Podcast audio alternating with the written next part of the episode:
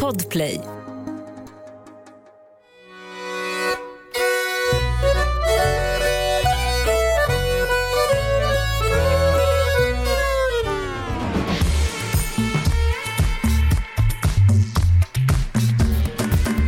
Hej, du lyssnar på Jag är svensk med mig Vivian Träskov.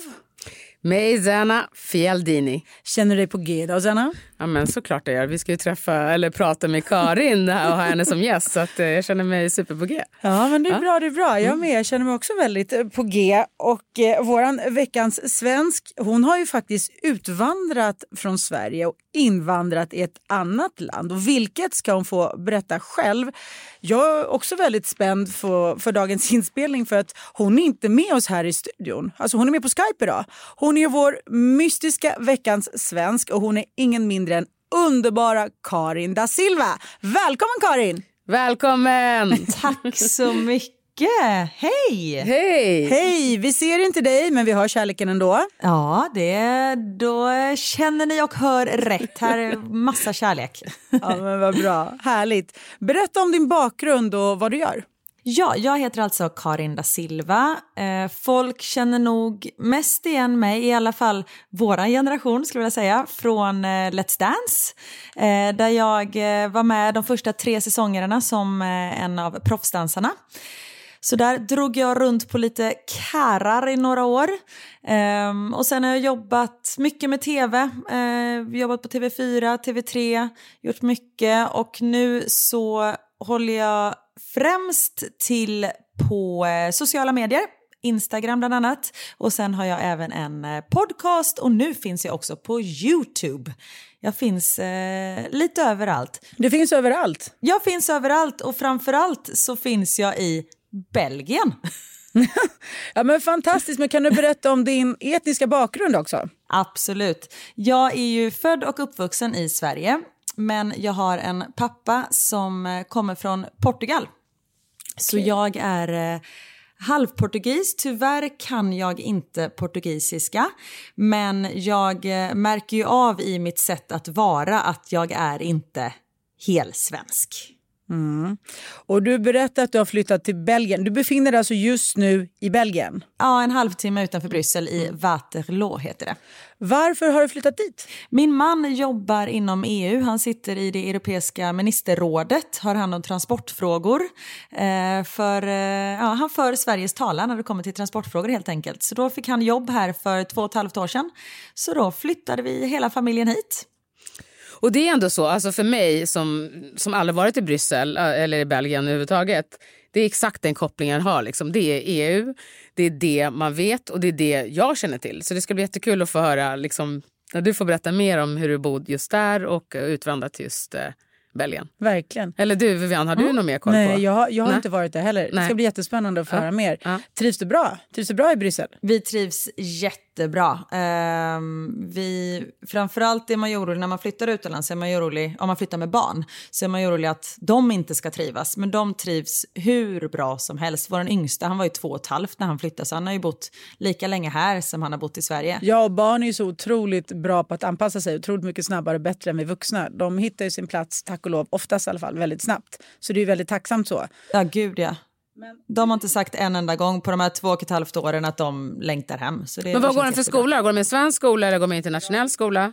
De två första åren gick de i en eh, internationell skola men på en svensk sektion för vi ville att flytten skulle bli så smidig för dem som möjligt så att de inte bara kastades in i en skola där de inte förstod ett ord vad någon sa. För båda mina barn eh, har de väl ärvt av mig, de pratar väldigt mycket och då om vi skulle ta bort det, det från vi igen. dem. Det känner vi igen, vi är likadana. Ja. Det har vi alla gemensamt. Ja, men om vi skulle ta bort den biten från dem så kände vi så här, då kommer den här omställningen bli alldeles för stor. Så då, därför började de i en eh, svensk sektion så att de liksom, eh, ja men fick, kunde kommunicera med ja. sina kompisar. Men sen så nu efter sommaren så eh, flyttade vi dem till en helt internationell skola.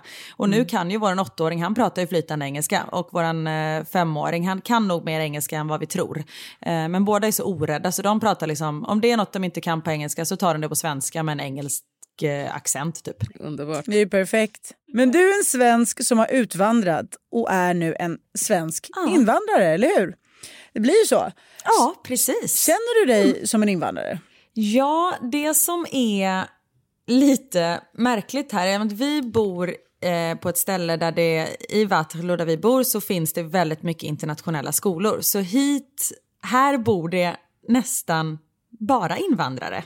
Så jag har ju typ fortfarande aldrig träffat någon som kommer från Belgien.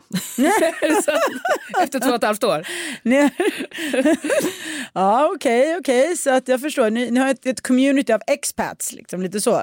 Ja, men verkligen. Och det, detta gör ju att man får en helt annan förståelse för, ja, men för invandrare i Sverige till exempel som håller sig till sin klick av landsmän. För det, det är ju en hel, det är en trygghet på ett helt annat sätt. Så det har man verkligen fått en helt annan förståelse för nu när man är i, i samma situation. Ja, det förstår jag. Det blir som en egen, en egen by. Man har mm, liksom en community. Ja, exakt. Man ja. har sitt eget community.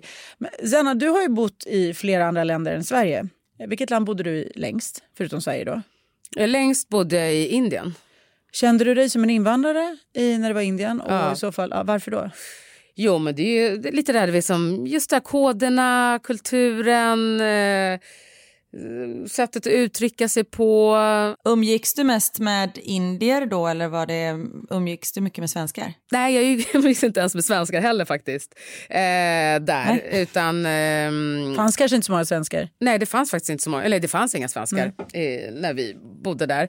Eh, så att jag um, umgicks med andra, mm, liksom, ja, men främst människor från, som, ja, faktiskt inte så många inder, men människor från olika delar av världen ja. som var expats. Så det var ja. mer den anledningen att vi båda hade gemensamt att vi, att vi inte liksom... Ni sökte er till varandra? Ja, för, precis. För ni hade det eh, gemensamt? Mm. Ni, ja, och hade det varit svenskar hade jag säkert sökt mig till dem också, mm. men nu var det inte så.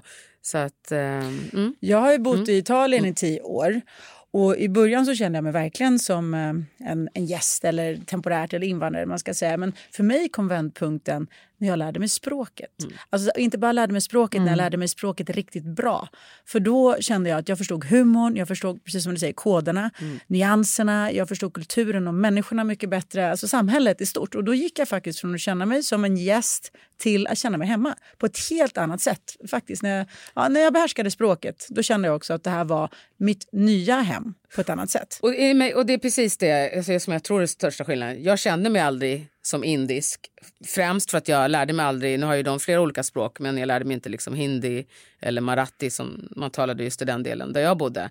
Eh, så det kan nog vara en stor anledning till faktiskt att jag inte kände mig helt hemma eller eh, som att det vore mitt, mitt hemland. Liksom. Ja, men jag tror, mm, alltså, jag mm, tror ja. jättemycket mm. verkligen på språk. Jag tror mm. språk är barriären. Mm. Som, när, den, när man har det gemensamt så förstår man varandra på ett annat sätt. För som du säger, det är inte bara orden utan det är ju koderna, det är ju nyanserna, det är ju Kommunikationen. allt bakom, ja, exakt, ja. Allt bakom orden. Mm. Och, den tror jag, den är inte, och det går inte riktigt att komma in 100 procent om man inte förstår den delen. Tänker jag i alla fall. Ja, men, ja, det... Men, det, men det makes a point eftersom jag då uppenbarligen alltså, bevisligen inte, inte kände Nej. mig helt Nej. hem.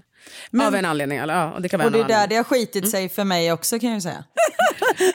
är det språket? Eller? Har det skitit sig helt? Det funkar inte. jag trodde ju, jag läste franska på högstadiet och var duktig på franska. Kunde liksom, men jag, som jag minns det som så var jag kanonduktig på franska. Visst talar man både tyska och franska i Belgien? Franska och flamländska. Okej, okay. ja. Om du tänker dig holländska eh, och sen så drar man det baklänges och sen så dricker du sju glas vin på det. Då kan du typ flamländska. Världens, enklaste, världens enklaste språk med andra ord. Väldigt roligt i och för sig. Exakt, om det är så. Exakt. Jag skulle bli alkad bara på. och du, kan inte, du talar inte något av dem med andra ord? Nej men jag trodde som sagt att min franska skulle komma tillbaka när jag flyttade hit. Men jag kommer inte ihåg ett ord. Och det, det är så pinsamt. Och både jag och min man vi har liksom tagit franska lektioner och tänker att nu ska det komma tillbaka. Men i och med att vi umgås med andra svenskar, norrmän, engelsmän, tyskar. Alltså då är ju det, då pratar man mest antingen svenska eller engelska. Ja, så jag har ju aldrig behövt liksom bli tvingad att prata franska. Jag tänkte precis säga, så länge du bor i ett expat community så vet jag inte om du faktiskt kommer lära dig språket för du behöver ju inte det. Du behöver ju inte lära dig eh, tyska Exakt. eller franska eller någonting. Du, engelska eller svenska funkar hur bra som helst. Exakt, och det är det som är så hemskt. Min mamma sa det, hon bara, om ni bor i ett fransktalande land i fyra år och kommer tillbaka och inte kan språket, då är det pinsamt. Jag bara, okej. Jag håller, väl, jag håller väl kanske lite med din mamma, måste jag erkänna på, på Ja, ett jag sätt. vet. Ett poddtips från Podplay. I fallen jag aldrig glömmer djupdyker Hasse Aro i arbetet bakom några av Sveriges mest uppseendeväckande brottsutredningar. Går vi in med hemlig telefonavlyssning och, och då upplever vi att vi får en total förändring av hans beteende. Vad är det som händer nu? Vem är det som läcker? Och så säger han att jag är kriminell, jag har varit kriminell i hela mitt liv men att mörda ett barn, där går min gräns. Nya säsongen av Fallen jag aldrig glömmer på Podplay. Men Karin, vad innebär det att vara svensk för dig? Oj, jag har ju aldrig, när jag bodde i Sverige så såg jag mig inte som helt svensk i och med att jag absolut inte ser svensk ut och det är väldigt många som eh, påpekar det här också för här är det så här, oh, where are you from? Man bara, Sweden. Så, What? Really? Så man blir liksom vi ifrågasatt direkt. ja. Eh, I och med, med mörkt hår, liksom bruna ögon, allt det här. Eh, så jag har ju alltid fått frågan, ja, men var kommer du ifrån egentligen? Även när jag bodde i Sverige och jag kan ju inte ens något annat språk, inte ens franska. Ehm, Tydligen, uppenbarligen. Och du kommer inte lära dig heller för du är där i fyra år och du bor i ett expert Nej. community så vi lägger ner franskan tycker jag. Det är okej. Satsa nu vi på... får göra det, vi får göra det. Men visst är det konstigt att folk ifrågasätter den direkt bara för ens utseende, att man inte har kommit längre, att man fortfarande bara går på folks utseende. Att man inte kan liksom få in att det är så märkligt att man har mörkt hår när man är, när man är svensk. Jag tycker inte det är så konstigt. Jag, jag tycker inte alls att, alltså, vet du vad jag, det här jag, jag tänker inte att det är konstigt för att det visuella är det första som man alltid går på. Och vi associerar ju olika saker på, på olika sätt och det visuella direkt gör ju att man får en tanke, en bild, eh, kanske ett minne som man reagerar på. Eh, så att jag för mig, jag tycker inte det är märkligt alls att man faktiskt dömer för alla dömer. Samma sekund vi ser någonting eller någon så dömer vi. Eller bildar en uppfattning. Ja exakt, man får en uppfattning väldigt snabbt och hjärnan är så sjukt snabb för att få en uppfattning. Däremot tycker jag att det är dåligt om man sen, när man förstår hur det ligger till, att man inte är open-minded enough. eh, att faktiskt Nej. ändra den uppfattningen. Det tycker jag skulle vara märkligt. Alltså jag personligen, alltså, Mm. som också då uppenbarligen inte ser svensk ut. Eh, eller, ja, eh, så här, jag själv när jag ser andra personer som... Alltså jag är ganska nyfiken. Så kanske, jag vet inte om det är naivt att tänka så eller hur det är. Men det är så här, jag själv personligen när jag ser att någon säger att de är svenskar och inte har vad nu vi ska då kalla det klassiska svenska utseendet. Jag säger, men vad har du för ursprung? Har du någonting annat? Jag själv ställer de frågorna. Eh, och då hoppas jag ju att de som ställer frågorna till mig också har den. Alltså förstår men att det inte liksom är något dömande bakom utan snarare liksom Du är nyfiken? är nyfiken. Men Sverige kanske, vi får se liksom. Vad tror du eh, Karin typ om, vi säger om Sverige om 30 år? Då kanske, man kanske det blir som USA, att man Ja. inte ställer. Eller? Vad tror ni?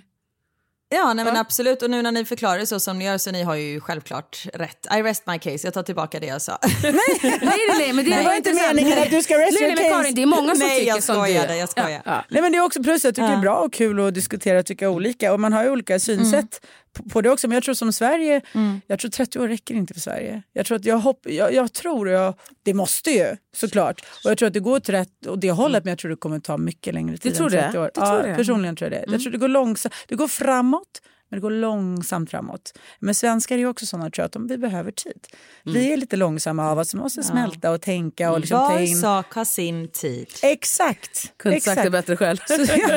Vilka är de största skillnaderna tycker du Karin hittills med att bo i Sverige och i Bryssel? Nej, men för det första så är ju detta, om jag sa att vi svenskar är liksom öppna som personer och eh, givmilda och så, så är belgare är väldigt, alltså hela kulturen är mer sydeuropeisk. Man märker Jaha. att man har rört sig söderut. Det är, om man äter lunch till exempel så är det konstigt att inte ta ett glas vin till lunchen. Åh, I Sverige så är man- så här, nej gud, det är fantastiskt. Jag äter lunch ute hela tiden. Karin, Varje vi, dag. kommer, vi kommer ta en, vi tar en tjejlunch för dig snart. vi kommer över. Ni är så välkomna, så kan vi flamländska snart också. Ja, exakt. Exakt. Nej. exakt. Nej men så det är en stor skillnad och sen att man Eh, på söndagar så går man ut med sin familj och äter eh, middag. Det gör man inte riktigt. Det, det känner jag inte riktigt av i Sverige. För där är det så här, nej men barnen stör, det funkar inte, det, det blir för högt och sånt där. Exakt. Här är liksom, man går på en fin restaurang så har de självklart en stor lekplats på baksidan av restaurangen för att barnen ska kunna vara där. Barnen är välkomna på ett annat sätt. Ja men exakt, barn och hundar är välkomna också. Ja, men det var lustigt att du, med tanke på att jag egentligen inte har någon koll på Bryssel förutom just eh, liksom hela EU och allt det vi pratade om tidigare, eller det jag nämnde tidigare. Mm. Så, så hade jag faktiskt inte en bild av att det där låter ju nästan att vara lite så italienskt. Jag håller Eller med, Alltså, ja. det, det du liksom berättar nu. Ja, för det är just alltså Bryssel och Belgien, då tänker man ju, jag tänkte ju också bara EU. Tråkiga höghus med eh, kostymklädda män som går runt med portfölj. Ja, men ganska Eh, och det fyrkantigt är en stor del av det. Ja, men sen så finns det ju, Belgien har ju, även om Belgien det är lika stort som Skåne, men det bor lika många människor i Belgien som i hela Sverige. Eh, så det är ett Wow. väldigt tätbefolkat land. Ehm, men det är ju så mycket mer än bara Bryssel. Om man åker till Eh, det, det är ju upp- väldigt uppdelat. Det är ju den flamländska regionen och så är det den vallonska regionen. I Vallonien i södra ehm, Belgien där pratar man franska och det är väldigt mycket som franska små byar. När man åker runt så är det liksom, man skulle lika gärna kunna vara i någon liten fransk by. Och åker man till eh, den flamländska regionen då är det men då är det som Holland och Tyskland och det är liksom lite mer strikt på det sättet. Och de har Gud, haft olika härligt. regeringar. Alltså det, är ett, det är ett väldigt uppdelat land på gott och ont. Ehm, så det, under corona till exempel så har det ju varit olika restriktioner i olika regioner. Så när man kommer till en ny stad, man bara okej, vad gäller här? Ska jag ha ansiktsmask när jag går på gatan eller är det bara i butiker? Så det är väldigt så, det är svårt att hänga med. Och vad gör du för att anpassa dig till ditt nya land? Alltså nu, trots expat, igen, trots ex- expat-communityt. Eh, vad gör du liksom rent aktivt? Vilka medvetna val gör du för att anpassa dig till, eh, till Belgien? Nej, men jag försöker så gott som möjligt att alltid liksom handla i eh, belgiska matvarubutiker, ta del av... För det är, ju det, det är det sättet jag kan ta del av kulturen, det är ju via mat faktiskt. Mm. Så jag försöker liksom lära mig, bara häromdagen så var jag och köpte en sån här frites eh, eller mollkastrull så jag ska lära mig laga musslor. Åh, vad härligt. och, eh, det första vi köpte var ett belgiskt våffeljärn. Ja, Såklart, det måste man ju ha. Det får du ta med hem till Sverige sen. Absolut. Nej men så det är det och sen så har jag försökt läsa på om Belgiens historia. Jag har en kompis som jobbar som eh, guide inne i Bryssel så henne ska jag gå på en guidad tur med nästa vecka ska hon förklara. För sånt tycker jag är viktigt, speciellt när man bor i ett land så pass länge. Även om tanken är att vi ska bo här i fyra eller fem år så det är två år kvar ungefär.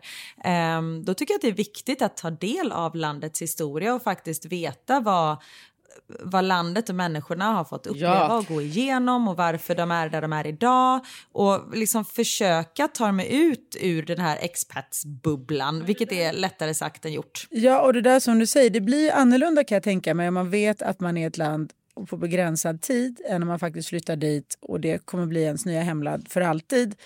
Hur, hur hanterar du det när du vet att det förmodligen, eller ja, om det är 100% är tidsbegränsat? Kastar, tror du att du, skulle du kasta in det mer helhjärtat i att anpassa dig och integrera dig om du hade vetat att det här kommer vara ditt nya hemland för alltid? Jag tror absolut att det hade varit annorlunda. Eh, bara det att vi har satt barnen i en helt engelsk klass och inte en engelsk-fransk klass eh, är ett ganska tydligt tecken på det. Att vi säger men franskan är lite skitsamma, det är viktiga, vi satsar allt på engelska istället. För vi vet inte om vi kommer flytta tillbaka till Sverige efter det här eller kanske något helt annat land. Vi, vi vet liksom inte riktigt, vi är öppna för allt möjligt. Däremot har jag ju märkt att jag har, har ju aldrig varit så svensk som jag är nu. Nej, men det kan jag verkligen tänka mig. Att den biten, att Ja, det Det blir, på så påtagligt. Och man, ja. ja. Vi har en Sverigebutik här. Eh, I och med att det bor ganska mycket svenskar här. Så vi, jag åker liksom dit och köper en ring falukorv och den kostar 9,80. Så det, det är liksom en söndagsstek för oss. Ja, men Om det man köper lösgodis och det är man bara så här man värdesätter alltid svenska på ett helt annat sätt. Jag visste inte ens att jag tyckte sill var gott fram tills jag kom på att i midsommar, jag måste ju ha sill. Men jag håller helt med om det där. Alltså, exakt så där var det när jag bodde i Italien. Jag berättade för dig sen också. Vi åkte till Ikea en gång i månaden eller en gång varannan månad och vi köpte all fryshusman som fanns. Och ah, ett kilo godis av karamellkungen. Och liksom, precis som du säger, mat som man inte ens åt när man var i Sverige. Men då plötsligt, bara, bara för att det är svensk mat så vill man ha känslan av sitt hemland liksom, på något sätt. Sitt andra Ja, hemland. Och då har ni ändå bott under en bra tid. Alltså där, liksom, jag menar, när jag bodde i Indien då, då fanns det inga Ikea. Det fanns ingen, eh, det fanns inga sociala... Det, fanns ing, det här är 95, 96, 97. 98. Och då minns jag liksom att eh, man skickade så här, DHL som dessutom Ja! tog typ så här, två veckor för att ta sig dit. Skicka choklad. Marabou-choklad kommer jag ihåg, som var helt smält och godis som hade blivit mosat. Men Värt oj vad jag ändå. njöt ändå. Exakt så värt det. Ett poddtips från Podplay. I podden Något Kaiko garanterar östgötarna Brutti och jag, Davva, dig en stor dos skratt. Där följer jag pladask för köttätandet igen. Man är lite som en jävla vampyr. Man har fått lite blodsmak och då måste man ha mer. Udda spaningar, fängslande anekdoter och en och annan arg rant. Jag måste ha mitt kaffe på morgonen för annars är jag ingen trevlig människa. Då är du ingen trevlig människa, punkt. Något Kaiko, hör du på Podplay. Därför är gardinerna. Vad tycker du är svårast med att vara en svensk invandrare i Belgien? Ja, nej, men det är nog att det är ganska mycket att lära, speciellt när det kommer till traditioner. Så är det om den 6 december tror jag det då, är det liksom, då kommer Sankt Nikolao hit och lämnar presenter och det vill man liksom inte missa utan man måste det, det är så mycket notiser i min kalender om saker som ska hända för man vill speciellt att barnen ska känna att de, är, att de bor i Belgien och är en del av det belgiska samhället. Och då är det just det här med traditioner som gör det så tydligt. Eh, så om alla andra får en present av Sankt Nikolao på morgonen där och mina barn inte får det för att han inte, vi har inte honom i Sverige, eller har inte honom, ni fattar vad jag menar. Eh, då, Det har vi där. då blir det liksom Att fel. man hamnar utanför kanske. Ja, nej men exakt. Så det är såna saker och här, det finns ingen tandfe utan här är det tandmössen som kommer och, lä- och tar tänderna och lämnar pengar. Såna där saker måste jag liksom hålla koll på. Men Så det- behåller du båda, då blir det dubbla traditioner. Behåller du de svenska och tar till de nya eller byter du temporärt ut dem? Hur hanterar man det?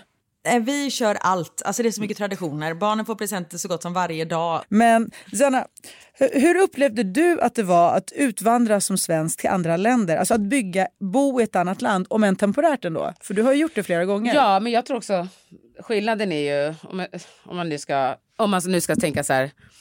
Om jag skulle fråga mina, min mamma eller pappa hur det var att utvandra så är det en helt annan. Du liksom, då har de ju flytt från någonting. När vi valde att bo i vissa länder, då har vi ju valt. Så bara där, att du väljer att flytta än att du liksom tvungen att flytta. Alltså du flyr för ditt liv. Men i ditt val? Liksom. Ja men det valet, nu de här, alltså då har det ju varit, jag tycker, eller liksom, då har det ju varit, eh, jag tror att man har helt andra förutsättningar så då har det känts liksom lätt, alltså man har ju fått välja liksom på ett helt annat, och man vet också att det har varit under en kort tid så att man har eh, fått välja godbitarna tycker jag.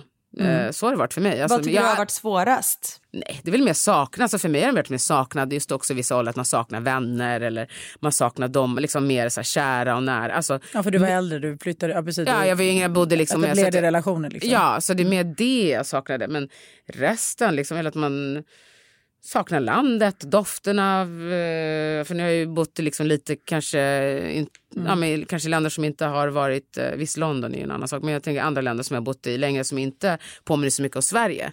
Då har det väl varit eh, att man, det var inte fattigdom. Alltså allt, alltså allt sånt där. Hur bra Sverige, hur rent Sverige är, hur bra alla har det. Hur... Eh, Uppskattar man det extra men, mycket ja, också? absolut. Människovärdet är liksom... eh, Man, är helt annat, eh, man, man, man har ett annat människovärde. Sådana saker. Så man ser på, plötsligt på ett annat sätt? På ett eller, annat eller sätt. ser ja, men, ja, men just de länder jag har bott i har inte- haft samma människovärde om jag ska vara uppriktig. Eh, och eh, om det har till att de är en miljard eller, och att vi eh, ja, då åtta, nu tio miljoner. Men, men liksom en helt annan... Eh, ja, eh, Så det är väl det jag saknade. Eh, att, man är väldigt skyddad har jag känt. Men liksom att man har varit väldigt skyddad. i alltså När jag klev utanför dörren i Sverige så är man väldigt skyddad. Och det var man ju inte på samma sätt där. För mig kan jag säga, var det svårt att förstå systemet i Italien när jag flyttade hit, dit. Och det var ganska, Jag tyckte det var svårt att vänja mig vid det. För att det, det, är, och det var och det är fortfarande väldigt långt efter vårt svenska väldigt effektiva system. Men jag tycker Sverige har verkligen ett världens absolut bästa system i hur landet fungerar. Landet fungerar verkligen i Sverige. Eh, Jag tycker det. Sen, Inga, inget system är perfekt, liksom. men, men jag tycker faktiskt för de, av de länder som jag har varit i, besökt eller bo, och sådär, så ty, jag tycker Sverige har ett fantastiskt system. Och, och Italien, deras system hade jag ganska svårt att ta mig till. Och även um, till en början, liksom, innan man förstod hur det funkar. För det, det är ganska krångligt uh, och, och, det funkar inte, tycker jag, lika bra som vårt system i Sverige. Och sen också deras så här, manana manana-inställning. Alltså för mig, oh, gud det var så jobbigt. Men för jag, jag är väldigt så här, effektiv, jag tidsplanerar, jag kommer i tid, jag månar min tid om alla andras tid. Och italienarnas, alltså de har, det är mycket, allting får ta längre tid och det är okej okay att komma för sent. Du vet, det, är så här, man, det, det, det är chill, det är fine. Och det höll jag på att bli galen i början på. Att är man som jag lite så här control freak och, och tänker på tider och effektiv så, så blir man lite knäpp i början. Och det var bara, nej man gillar läget, det är så det är. Och det märker man ju av det här manana manana. Man, man ringer en hantverkare och sen ah, jag kommer. Man bara när? Ja, men jag kommer någon gång. Man bara vadå någon gång? Och då kan det vara att man får inte ens en specifik ja. Dag. Sätt av halva din dag. Här, Håll tummarna att jag kommer nu. Ja men halva min dag, en hel vecka måste jag vara hemma för man har ingen aning om när de kommer. Och det är också så här, när de ska göra saker, alltså om det är någon här, det, eftersom det regnar väldigt mycket så är det ganska mycket fuktskador på hus. För de ja. tänker liksom inte så här, då bygger vi på ett då. annat sätt. Utan de, nej men de bara kommer dit och så målar de över typ mögelfläcken. Man bara, fast det där kommer ju inte riktigt funka. Det är inte kosmetiskt här, det är inte det vi bryr oss om. Vi vill att det ska hålla på riktigt. Nej men exakt, och det är lite så man tänker. Man bara, okay, hur länge ska vi bo här? Ja, men det är fyra år. Ja men det håller väl i fyra år, så det, sen är det inte vårat problem. Exakt.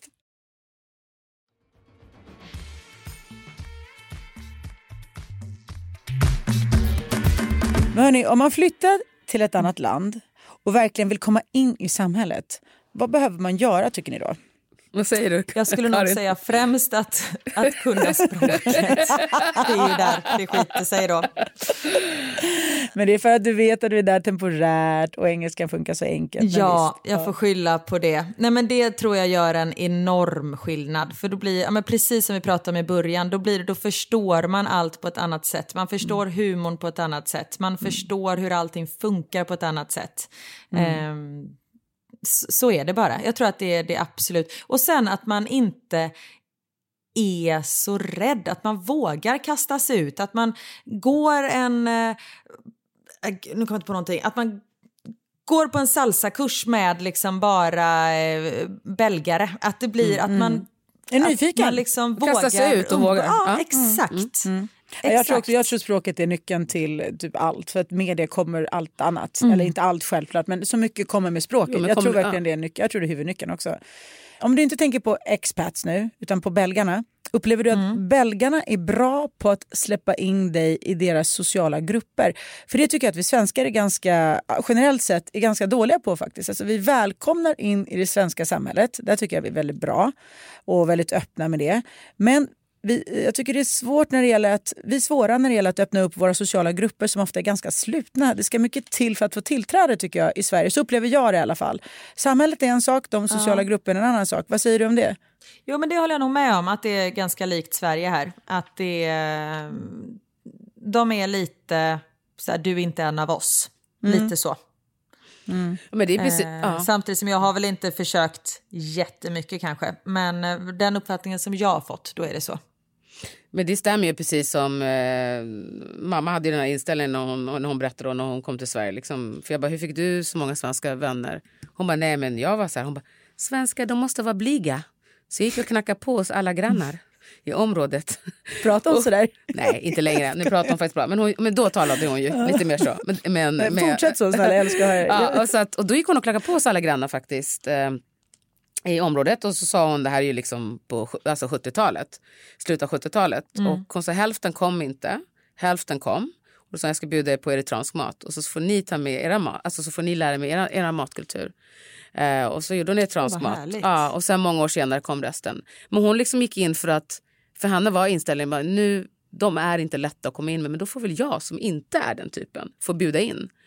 Mm. Eh, Det är så härligt, ja, fantastiskt, så det är härligt. Men, underbart. men, så, så, och, ja, och med det liksom har det. Underbart. Men det stämmer ju, det, det är inte lätt. Och det ser ju även bara vänner till mig som, som jag lär känna genom jobbet. Eh, som har flyttat ner från bara Norrland eller eh, upp från Skåne. Och så här, komma in i så här Stockholmsgäng är jätte, jättesvårt. För att man har sina vänner. Ja, det går inte. Det går inte. Därför jag har hört det, att bör, det är det, det bör värsta. gå på sig själv. Alltså jag ska vara jag är också så. Jag är svår på... Jag släpper Jag inte det, in jag hur som helst, Ja. när som helst. Nej, men alltså, och jag, jag, Ja, är väldigt också, jag öppen. Jag, här, Ja. jag är väldigt öppen och på ett sätt och liksom social, nyfiken på människor. Men när jag kommer in i kärnan, kärnan nej, men där är jag jättesvår också. Ja. Det är svårt. Men titta bara på mig. Alltså alla säger, jag tänker på hur många säger, man är så glad för att de här mammagrupperna finns när man har fått barn. Alltså jag bara, varför ska jag gå på mammagrupp? Jag har redan mina Ja, vänner. exakt. jag har min flock. Ja, liksom, ja, och även liksom, flock. förskolan. och Så, här, urgulliga mammor där jag liksom bara, nej men mina andra tjejkompisar har, så jag inte heller. Förstår Men vad jag vet, menar? ja, och vet du vad? Förut tänkte jag så här, vad synd att man funkar så. Har- Jag, vi har reson- jag har tänkt på Och det, då är jag väldigt det öppen mycket. och inbjudande. Ja, ja, Ja. verkligen. Nej, men alltså, jag har tänkt men det om mig själv. Jag tänker Mm. på mig själv. Vad synd att jag funkar så faktiskt. Att jag kanske inte öppnar upp min in, innersta krets mer på ett annat sätt. Och nu ska jag säga, det, det är klart det självklart kommer in nya människor. Men det är sällan och det krävs mycket och tar lång tid. Men samtidigt, jag har fattat en grej nu Eh, så Det tog lite tid för mig att förstå det. Men nu är jag här för att jag blivit äldre. Och det är för att det tar tid. Det tar tid och det tar energi. Jag har inte så mycket tid. Och den lilla tiden man har, den vill man liksom hinna få med med de, liksom ens nära vänner som man har. För redan där har man för lite tid tycker jag. Så jag tror att det är mycket det. Liksom. Att man känner att man har inte tiden, energin och kanske orken för att ta in ytterligare människor för att man har redan för lite Jag tid. tror att man inte har tålamodet heller för att man känner ibland antingen klickar det ordentligt med en viss, alltså efter en viss ålder. Ja. Eller så gör inte det. Och då, det, det kan vara det. Det är precis som du säger också. Man, har måste tiden. man måste investera investera så tid. mycket. Så är det. Man måste investera tid för att få ut en sån liksom, vänskap, för att få ut det av en, Man måste investera tid och man kanske inte bara känner att man har tid längre. Men jag tror att det är otroligt viktigt att man är nyfiken och man är öppen och att man liksom är intresserad och nyfiken av människor. Men den där enda extra lilla sista steget, det, ja, den är svår. Men sen så här, om man då ska motvixa. Och det är det som har blivit den stora skillnaden när man bor här då. Att nu har inte jag kunnat välja mina vänner om man säger så. Utan man har ju blivit, ja men det är de här jag kan umgås med. Det är de här jag har träffats. På gott och ont. Vissa klickar man med och vissa klickar man inte alls med. Men då blir det så här, ja nej, men den här människan hade jag aldrig umgåtts med hemma. Men nu gör jag det och gud vad härligt att jag gör det. Ja. Och vad glad jag är att du fick den möjligheten. För att förstår vilken bra människa du hade kunnat missa. Alltså vad ska man säga som man inte Ja, hade fått lära precis. känna om man inte hade Ja, varit så. verkligen. Karin, du har tre söner, eller hur? Jag tror Två. två. Jag har två, Ja, förlåt. ja, ja. För jag två, sa jag tre? Ja, du, ja, men du sa ju två. Och Du har två hundar. söner. Ja, det är kanske därför jag tänkte tre söner. Okej, du har två söner för att göra det här tydligt och klart. Två söner. Hur gamla är dina söner? Åtta och fem. Så de kommer att växa upp och spendera en stor del av sin barndom i Belgien. Så är det viktigt för dig att de Ja. får med sig och ha koll på sitt svenska arv? Och i så fall, hur ser du till att de får det? Ja, men det är främst de svenska traditionerna. Eh, Som sagt, vi har aldrig firat midsommar så mycket som vi har gjort de åren vi har varit här. Vi har liksom, ja men, ja, men det är just de, de svenska, svenska traditionerna och den svenska maten. Och sen har ju vi fortfarande ett hus i Sverige, i Skåne. Så vi åker ju dit så ofta vi bara kan och spenderar stor del av somrarna där. Barnen har fortfarande kompisar där. Ehm, så det, och sen så Belgien och Sverige, det är inte liksom kulturmässigt, det är inte jättestor skillnad. Det är inte som om man skulle flytta till Indien till exempel. Eh, och jag tror att om jag hade flyttat till Indien då hade vi varit ännu mer svenskar än vad vi är nu. Ehm, Ja, eh, men så det är det som jag tycker är just de svenska traditionerna. Jag födde min första dotter Antonia i Italien. Eh, Min yngsta Sasha hon föddes i Sverige. Oj vad italienare älskar barn förresten. Alltså, de älskar ju Det finns barn. inget land i är- världen Ja, jag som ja. älskar så mycket barn. Ja, men det är så härligt Ja. hur mycket jag älskar barn där. Fall, Men vi, så vi flyttade hem igen när hon var drygt två. Men jag började läsa Astrid Lindgren för henne i Italien. Och du vet, så här, när hon var två år, när hon var två år ungefär så visade de klassiska filmerna. För det var ett sätt för mig att få, lite av, in, få in lite grann av den här svenska kulturen i hennes liv fast vi bodde i Italien. Jag ville att, de skulle, att, den, att den skulle vara familjär för henne. Och Astrid Lindgren kändes som ett bra sätt att göra det på. Och sen såg jag alltid till att prata på svenska hemma eller ryska så hon skulle få alla delarna även där för att italienskan fick hon ju gratis liksom. Sen talade jag tyvärr inte arabiska eller kurdiska så det var fokus på svenska, Jo, jo, men- svenska och ryska. Men det italienska, den, den italienska delen fick hon ju gratis för att det var det andra man fick lägga krutet på. Alltså hon kom in i det italienska samhället som en italienare för hon föddes där. Eh, Så att, eh, nej men jag förstår verkligen det här att man, man ändå vill ge sina barn eh, den andra delen också. Och det är där man får jobba på för att den andra finns där automatiskt varje dag. Exakt, och det är det som jag är så himla glad för. För skolan som barnen går på, det är en jättestor internationell skola. Och där verkligen de värdesätter eh, alla barnens olika kulturer.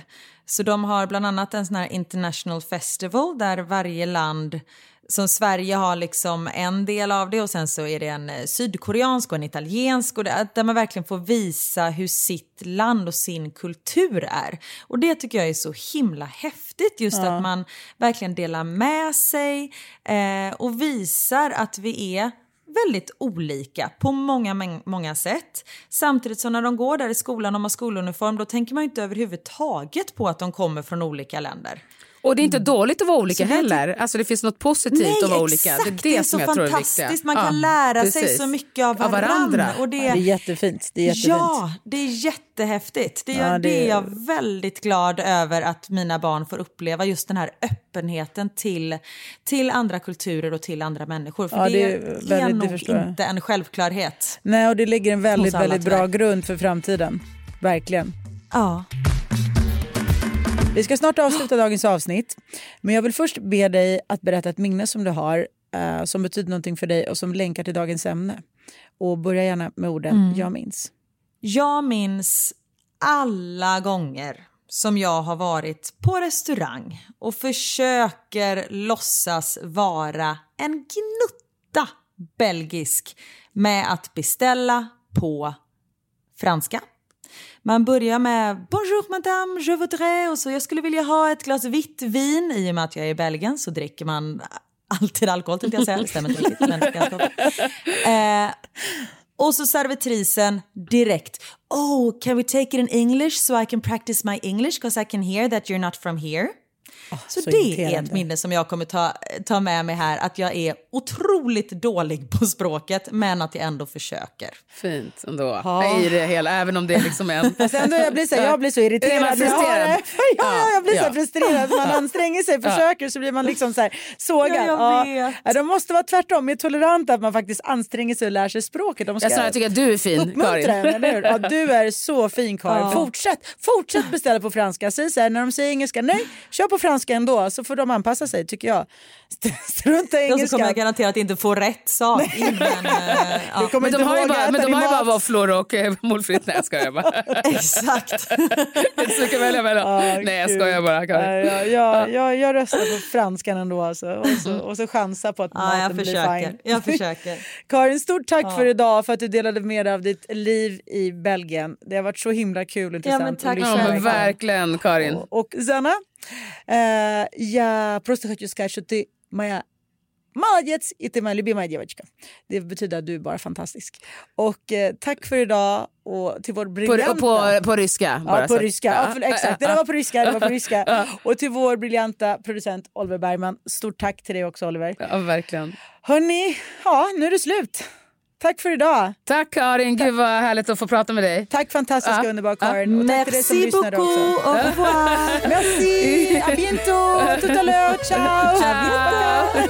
Hej då.